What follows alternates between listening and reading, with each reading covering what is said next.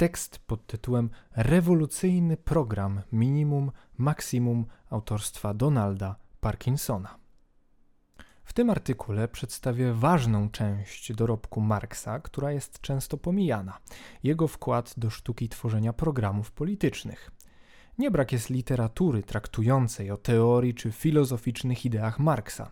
Jednak często zapominamy, że Marx, pomimo bycia strategiem politycznym, również przyczynił się do rozwoju ówczesnych politycznych ruchów. Najbardziej znany z jego dorobku tej kategorii jest najprawdopodobniej Manifest Komunistyczny, napisany podczas walk roku 1848. Jednak to był dopiero początek politycznej kariery Marksa. Kluczowym dokumentem w celu zrozumienia całości jego politycznych dokonań będzie program francuskiej partii robotniczej, napisany wspólnie z Geste. Stanowi on nie tylko wyrażenie dojrzałej myśli politycznej Marksa, ale jest również podstawą do konstrukcji programu minimum maksimum, który w mojej opinii powinien być fundamentem zorientowania i działania dzisiejszego ruchu socjalistycznego. Skupiam się na tej kwestii nie w celu uprawiania archeologii historycznej, jednak po to, by rzucić światło na współczesne problemy dotyczące programów politycznych dzisiejszych organizacji socjalistycznych. Program ten uważam za aktualny wzór dla programów politycznych po dziś dzień, nie tylko ze względu na to, że był to prawdziwy wkład dojrzałej myśli Marksa po jego doświadczeniach z pierwszą międzynarodówką i komuną, ale również dlatego, że niniejsza struktura minimum maksimum jest lepsza w stosunku do innych powszechnie uznawanych dzisiaj metod programowych pośród socjalistycznej lewicy. Jedną z takich metod, której się dobrze przyjrzymy w dalszej części artykułu, jest program przejściowy, preferowany przez trockistów z publikacji Left Voice, którzy niedawno skrytykowali program Minimum Maximum. Program polityczny dla francuskich pracowników. Na początku chciałbym się przyjrzeć programowi francuskiej partii robotniczej. Jego źródła pochodzą z francuskiego kongresu pracowniczego w 1879, 8 lat po upadku Komuny Paryskiej, który deklarował formację niezależnej partii pracowniczej i konieczność uspołecznienia środków produkcji.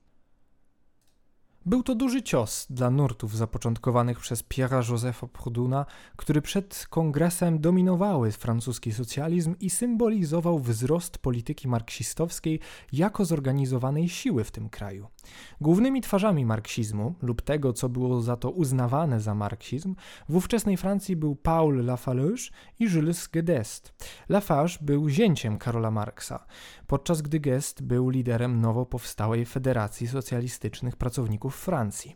Dwójka ta dążyła do napisania programu partii w ramach przygotowań do krajowych wyborów parlamentarnych w 1881 roku. Początek tworzenia tego programu rozpoczął się sporządzeniem kwestionariusza przez Marksa dla członków klasy pracującej, czytelników socjalistycznego pisma La Revue Socialiste. Celem tego kwestionariusza było zdobycie informacji na temat warunków mieszkalnych i standardu życia francuskiego proletariatu, co pomogłoby w sformułowaniu żądań. Gest wybrał się na objazd po kraju w celu zorganizowania lokalnych i regionalnych grup i doszedł do wniosku, że większość pracujących domaga się reformistycznych zmian w celu zdobycia większych praw socjalnych i obywatelskich. Po tej podróży Gest zawitał do Londynu, by wraz z Marksem i Engelsem stworzyć tenże program w maju 1880. Preambuła do programu została napisana przez Marksa i jest dotychczas najbardziej efektywnym i zwięzłym podsumowaniem polityki komunistycznej przelanym na papier. Sam Engels nazwał ją arcydziełem zwięzłej argumentacji, jakich mało, jasnej i zwięźle zrozumiałej dla mas. Sam byłem zdziwiony tym zgrabnym sformułowaniem. Marx rozpoczął preambułę prostym podsumowaniem tezy komunistycznej. Emancypacja klasy produktywnej dotyczy wszystkich ludzi bez rozróżnienia na płeć czy rasę. Jest to jasne obalenie zarzutów wobec komunizmu Marksa, jakoby byłby on skierowany tylko do pracowników przemysłowych. Sformułowanie to przeczy tezie, że Marks zwracał się tylko do tzw. Tak zwykłych robotników. Walka proletariatu, klasy produktywnej w nowoczesnym kapitalizmie nie jest widziana jako kres sam w sobie, czy jako związana tylko z wąskimi interesami w społeczeństwie klasowym, a jako narzędzie do emancypacji całej ludzkości. Dla jasności, Marx podkreślał prawdziwą, uniwersalną naturę wspomnianej ludzkości, pisząc, że chodzi mu o ludzkość bez rozróżnienia na płeć czy rasę. Internacjonalizm i antypatriarchalny charakter polityki marksowskiej jest zatem jasny od jej samego początku. Następna część wyróżnia warunki, które muszą zaistnieć, by klasa produktywna mogłaby zostać wyemancypowana, żeby byli w posiadaniu środków produkcji. Z naszego punktu widzenia może to wydawać się oczywiste, ale w ówczesnych czasach wymagało to podkreślenia. Z tego powodu kolejny wers preambuły rozróżnia dwa sposoby, w których to uspołecznienie może się dokonać: indywidualny i kolektywny. Pierwszy jest odniesieniem do sytuacji chłopa i rzemieślnika, który posiada swoje środki produkcji na własność. Ta forma własności była uważana za ideał, do którego trzeba dążyć pośród zwolenników myśli Porthuna, którzy dominowali we francuskim socjalizmie w tamtych czasach. Marx argumentował, iż taka forma własności jest przestarzała i nie ma wagi w ówczesnym rozwoju kapitalizmu, który sam w sobie uspołecznia środki produkcji w ramach prywatnej własności i wolnego rynku. Kontynuując tę myśl, środki produkcji mogą być tylko posiadane kolektywnie, poprzez wyjście z ram prywatnej własności w stronę własności społecznej. Rozwój kapitalistyczny sproletaryzował ludzi pracy poprzez oddzielenie ich od środków produkcji. Rozwinął swoje formy pracy tak, że stała się ona kooperatywna i zbiorowa oraz zamknął możliwość przywrócenia formy drobnej własności prywatnej, o ile obecne formy produkcji mają zostać podtrzymane i rozwijane. Powrót do indywidualnej własności prywatnej jest zatem niemożliwy, sprawiając, że jedyną możliwością emancypacji pracowników jest kolektywne zawłaszczenie. Z tego miejsca możemy przejść do kolejnej części preambuły, która wyraża potrzebę klasowej niepodległości proletariatu i jego potrzebę do organizowania się jako partia polityczna. Kolektywne zawłaszczenie może pojawić się tylko jako wynik działań rewolucyjnych klasy produktywnej lub proletariatu, zorganizowanego w odrębną partię polityczną. Innymi słowy, tylko proletariat jako klasa będzie zmuszony w walce do przejęcia środków produkcji, ponieważ nie posiada on własności, która jest zachętą do utrzymywania systemu prywatnej własności. Z tego powodu proletariat musi zorganizować się we, we, własną siłę polityczną, która wyrazi swoje żądania jako klasa w opozycji do klasy posiadającej własność. Nie oznacza to, że tylko proletariusze mo mogą być częścią partii, czy tylko pracownicy mogą zyskać na wprowadzeniu takiej polityki. Chłopi, intelektualiści, rzemieślnicy, czy nawet burżuazyjni zdrajcy klasowi mogą stanowić członków partii. Jednak dołączając do niej muszą zostawić swoje interesy klasowe na boku i walczyć o potrzeby proletariatu, nawet jeśli stoją one w, sprzecz w sprzeczności z ich własnymi. Następnie preambuła wykazuje, że ta klasowo niezależna partia proletariatu powinna dążyć do swoich celów wszystkimi niezbędnymi drogami. Jednak jako przykładem takiej drogi nie jest walka zbrojna czy strajk, a powszechne prawo do głosowania. Przekształcone ze środka do podstępu i oszustwa, jakim było do teraz na środek do emancypacji. To poprzez masową politykę, a nie działania walecznej mniejszości, proletariat musi zmagać się jako klasa, a to oznacza walkę o zwycięstwo w wyborach z partiami burżuazji. Marx był świadomy ograniczeń, jakie tworzy ordynacja wyborcza i wiedział, że była ona wykorzystywana jako aparat legitymizacji dla burżuazji. Jednocześnie jednak twierdził, że powszechne prawa wyborcze mają wielki potencjał jako narzędzie w rękach proletariatu. Przestrzeń wyborcza nie może pozostawać w rękach burżuazji, musi być zwyciężona przez partię proletariatu, doprowadzając jej politykę do głównego nurtu. Preambułę kończy stwierdzenie, że francuska partia pracownicza musi brać udział w wyborach tylko z następującymi żądaniami. Jednak zanim przyjrzę się tym żądaniom, trzeba zaznaczyć następującą rzecz. Preambuła programu można rozumieć jako program maksimum. Wyraża ona ostateczny cel partii emancypację ludzkości, która zostanie osiągnięta po okresie ekonomicznej transformacji i zmiany społecznej. Opisuje ona, że ten ostateczny cel może być zrealizowany tylko poprzez dojście proletariatu wraz z jego partią do władzy i uspołecznienie środków produkcji. Innymi słowy, jest to wyrażenie długoterminowego celu wyjścia poza ramy kapitalizmu w stronę komunistycznego społeczeństwa. Następujące żądania mają charakter zarówno ekonomiczny, jak i polityczny. Stanowią program minimum. Są to natychmiastowe zmiany, o które partia będzie walczyć zanim przejmie władzę. Podczas e, dokładnego omówienia tych postulatów wyróżniają się dwie ważne kwestie. Po pierwsze, wziąwszy każde z tych żądań osobno, nie stanowią one zerwania z kapitalistycznym systemem produkcji, i po drugie, wysiąwszy je wszystkie naraz, oznaczają zerwanie z kapitalistycznymi rządami nad państwem i wprowadzenie politycznej władzy proletariatu. Krótko rzecz ujmując, zamiarem programu minimum nie jest po prostu stworzenie spisu reform, o które partia będzie walczyć w celu zyskania poparcia i rozpoznawalności, a stworzenie planu rewolucyjnego przejęcia całkowitej władzy państwowej przez proletariat w rewolucyjnym rozłamie. Ten format minimum maksimum nie jest wyjątkowy tylko dla programu francuskiej partii robotniczej. Jak wskazał Jack Conrad, odnajdujemy go również w manifestie komunistycznym, programie erfuckim i programie socjaldemokratycznej robotniczej partii Rosji z 1902 roku.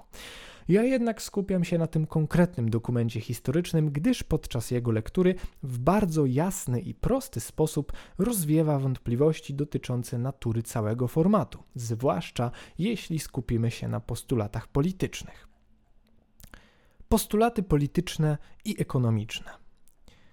Pierwszy postulat w części politycznej pomaga nam rzucić światło na charakter tego tekstu, ponieważ skupia się na demokratycznych prawach klasy pracującej. Żądamy zniesienia wszelkich praw dotyczących prasy, zgromadzeń i stowarzyszeń, a przede wszystkim prawa przeciwko Międzynarodowemu Stowarzyszeniu Robotników.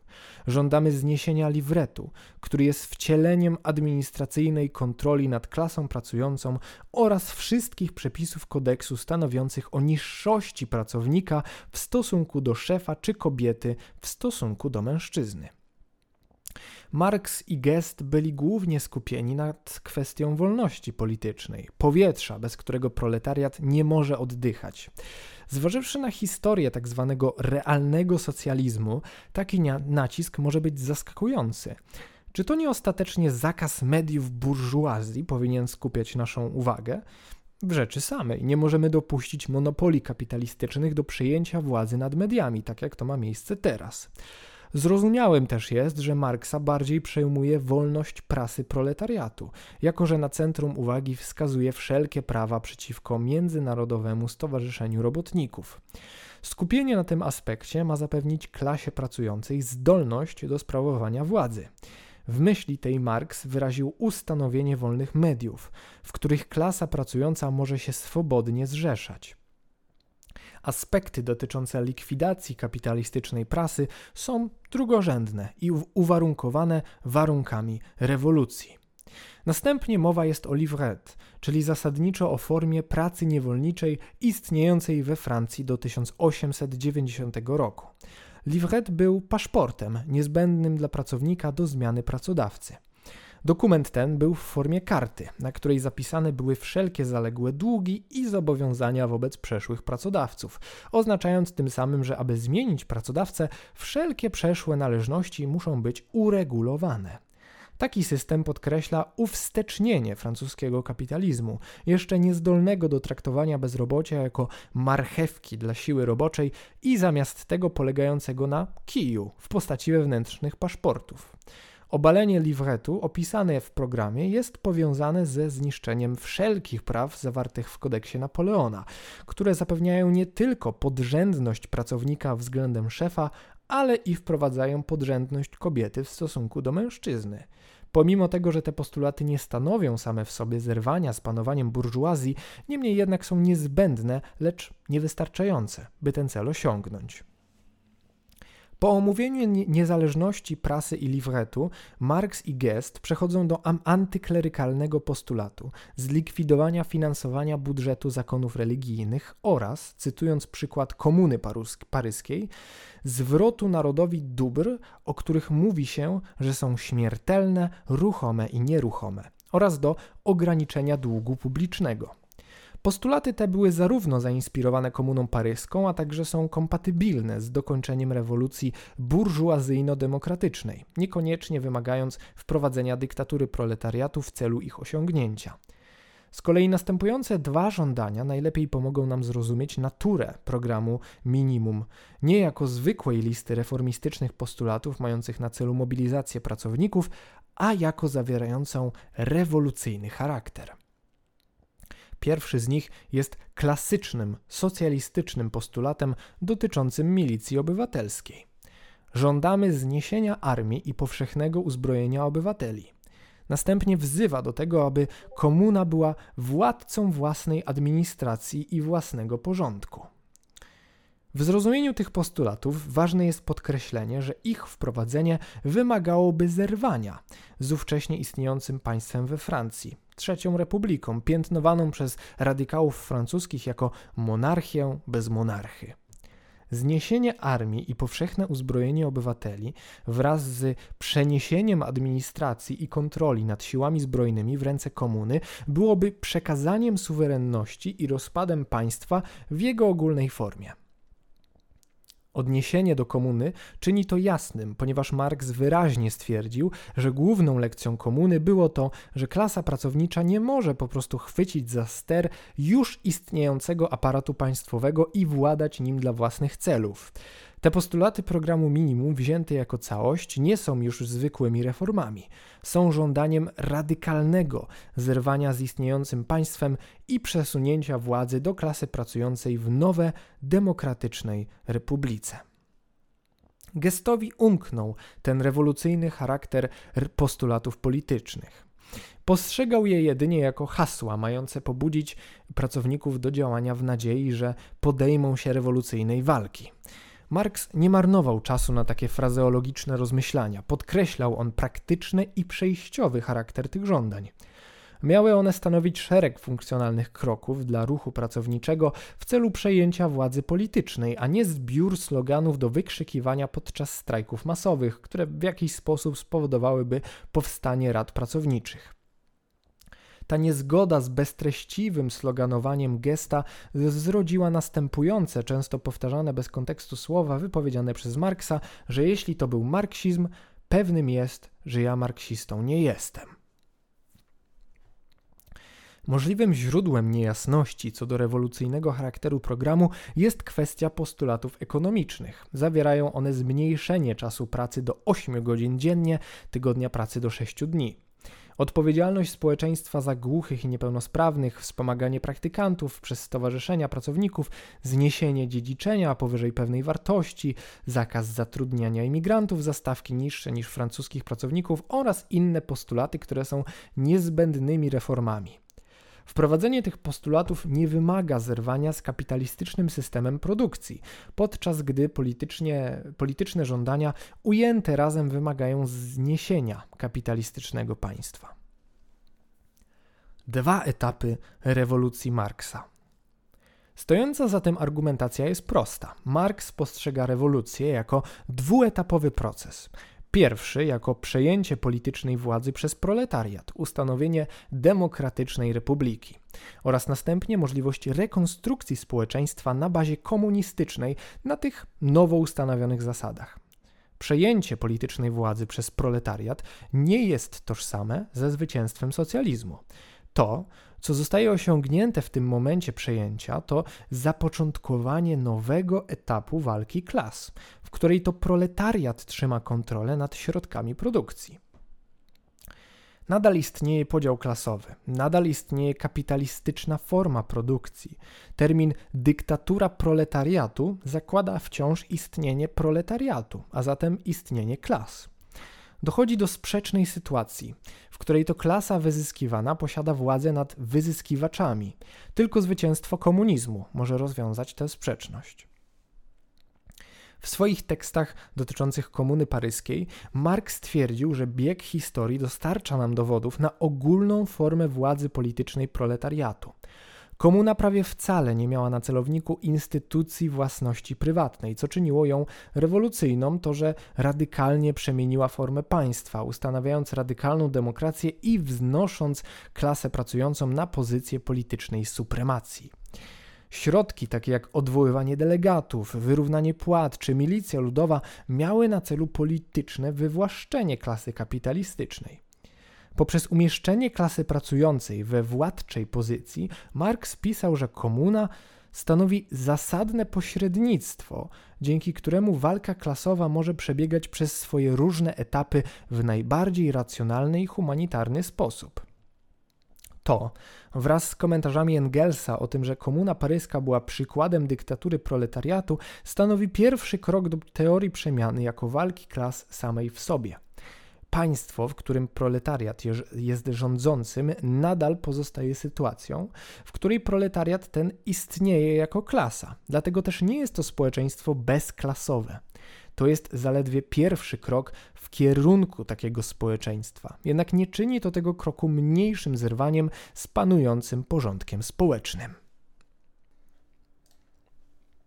Program przejściowy jako alternatywa. Program Minimum Maximum, stanowiący zobrazowanie programu francuskiej partii pracowniczej, jest często stawiany w przeciwieństwie do programu przejściowego Trockiego, początkowo zatytułowanego Śmiertelna agonia kapitalizmu i zadania czwartej międzynarodówki, a następnie przedrukowanego jako program przejściowy i walka o socjalizm.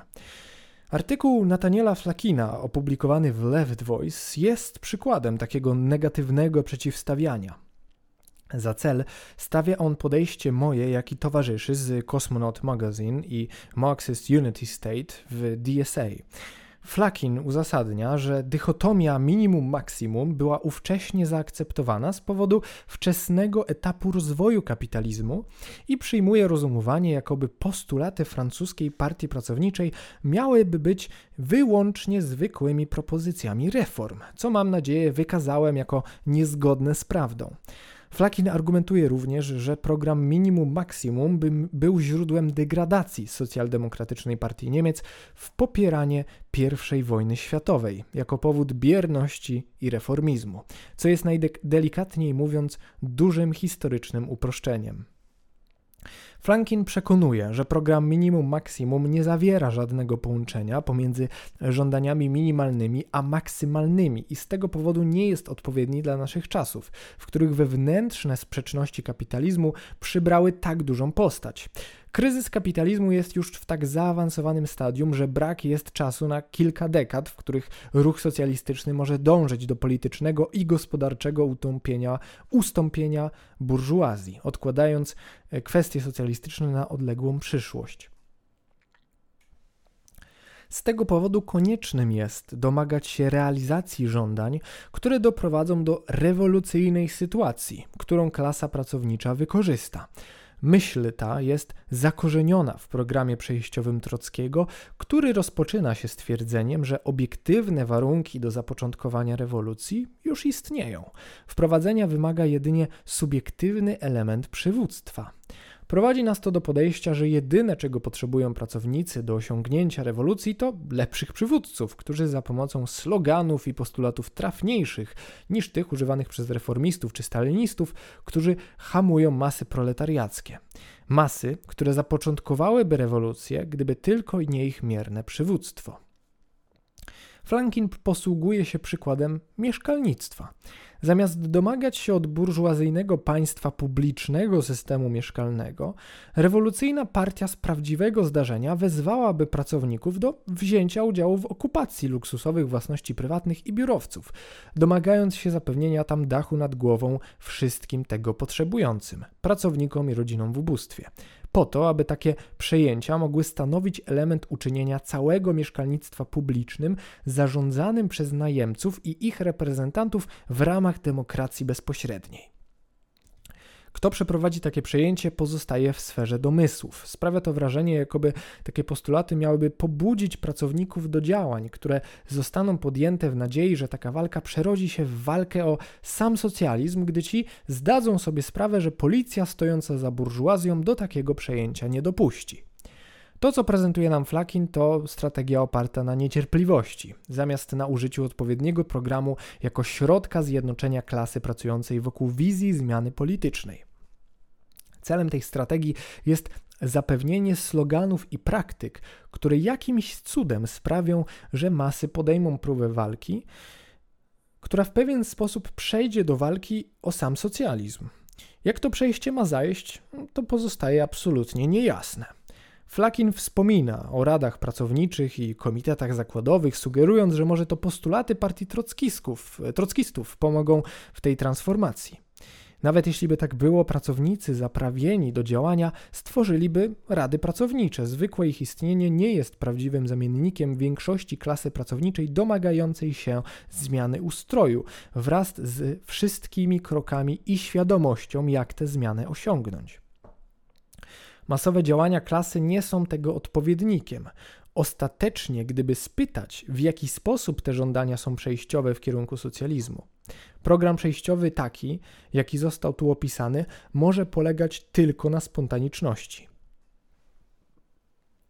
Flakin przyznaje, że ta wersja programu minimum maksimum, za którą opowiada się Marxist Unity, ma doprowadzić do zerwania klasowej władzy burżuazji. Więc gdzie leży problem?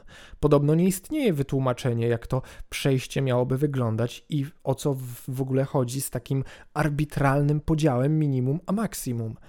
Odnośnie zarzutu pierwszego, to przejście prezentowane w programie przejściowym e, pomiędzy zadaniami a bezpośrednią walką ma charakter iluzoryczny.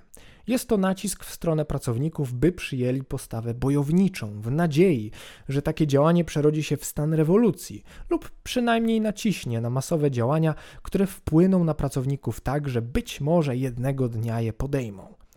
Tak więc nadzieją wydaje się być to, że przejściowe żądania zmobilizują pracowników do działania, tworząc zapotrzebowanie na komitety czy rady pracownicze, które to stworzą rewolucyjną awangardę, która poprowadzi te komitety w odpowiednim kierunku.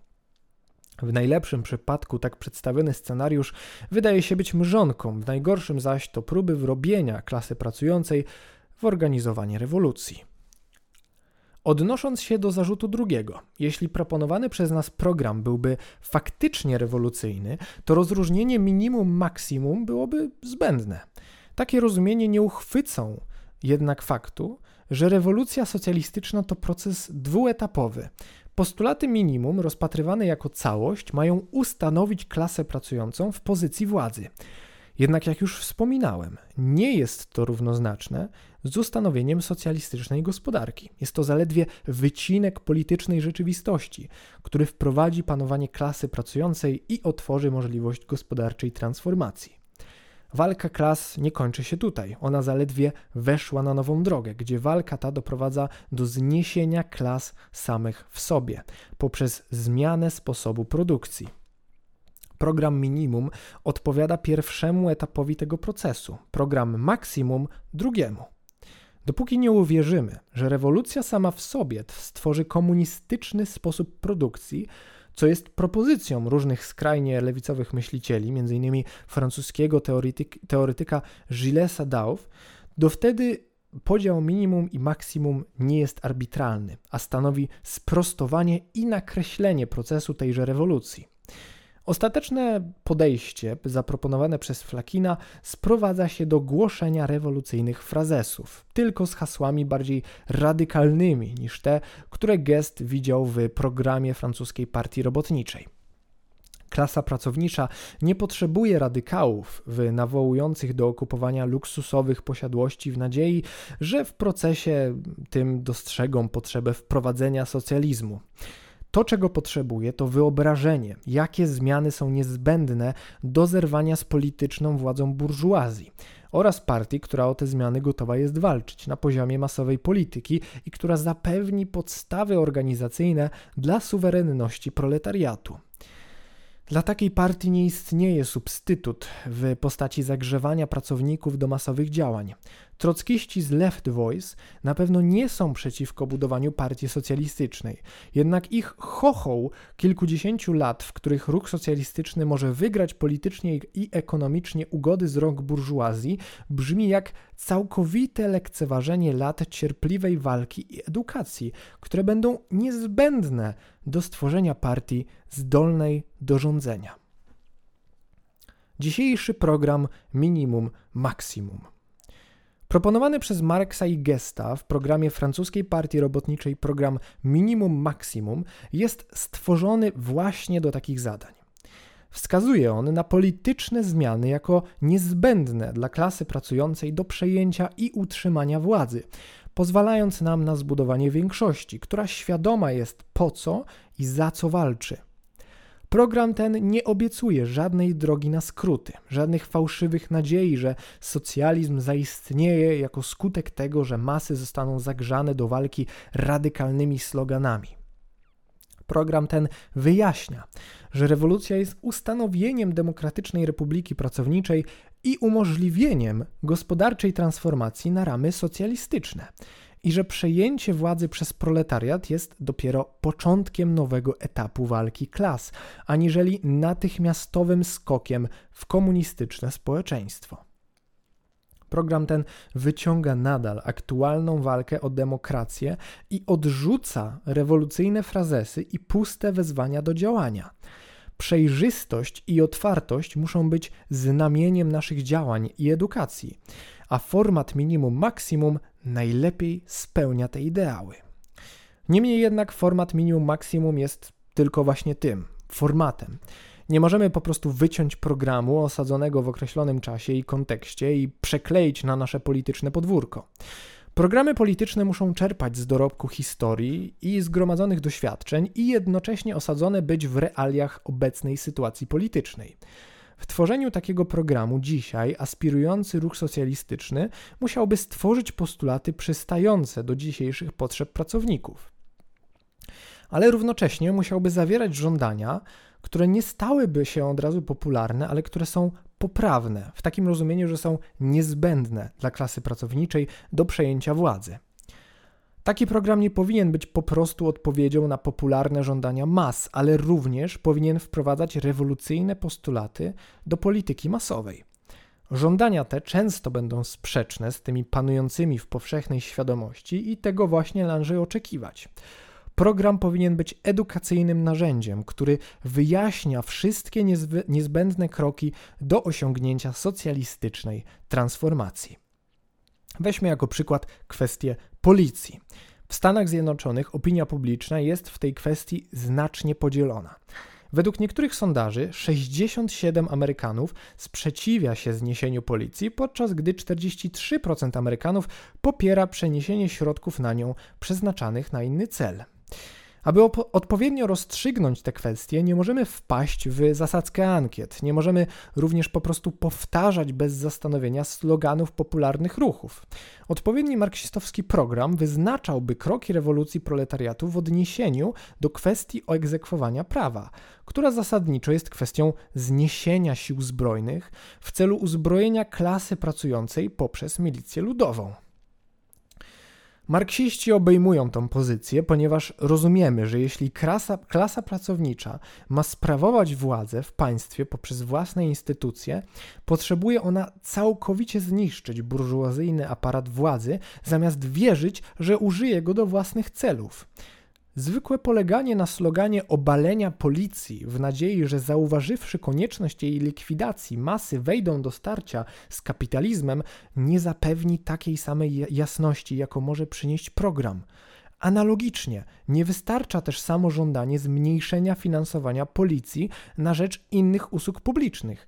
To jest żądanie łatwe do przyjęcia przez opinię publiczną, niewystarczające jednak do przejęcia władzy przez proletariat. To zalicza się również do kwestii związanych z demokratyzacją państwa i konstytucji. Amerykańska polityka jest zafiksowana na punkcie konstytucyjności, jednakże odpowiedni program polityczny stałby za jej zniesieniem i stworzeniem nowej, bezpośrednio socjalistycznej konstytucji jako podstawy nowej demokratycznej republiki. konstytucja ta zawierałaby konieczność reparacji rozwojowych i samodeterminacji wewnętrznych neokolonii. Jej część gospodarcza jasno nakreślałaby kwestię uspołecznienia akumulacji ekonomicznych, jak i potrzebę totalnej restrukturyzacji w infrastrukturze i planowaniu miejskim. Znosiłaby obecny reżim prawa pracy i ustanowiłaby nowy ustrój oparty na inicjatywach pracowników niższego szczebla poprzez podejmowanie nie tylko i wyłącznie postulatów popularnych w danym momencie i z tego powodu osiągalnych w krótkim czasie, partia jest zmuszona do walki o swoje przekonania pośród mas i wyjaśniania konieczności wyjścia poza zwyczajne reformy.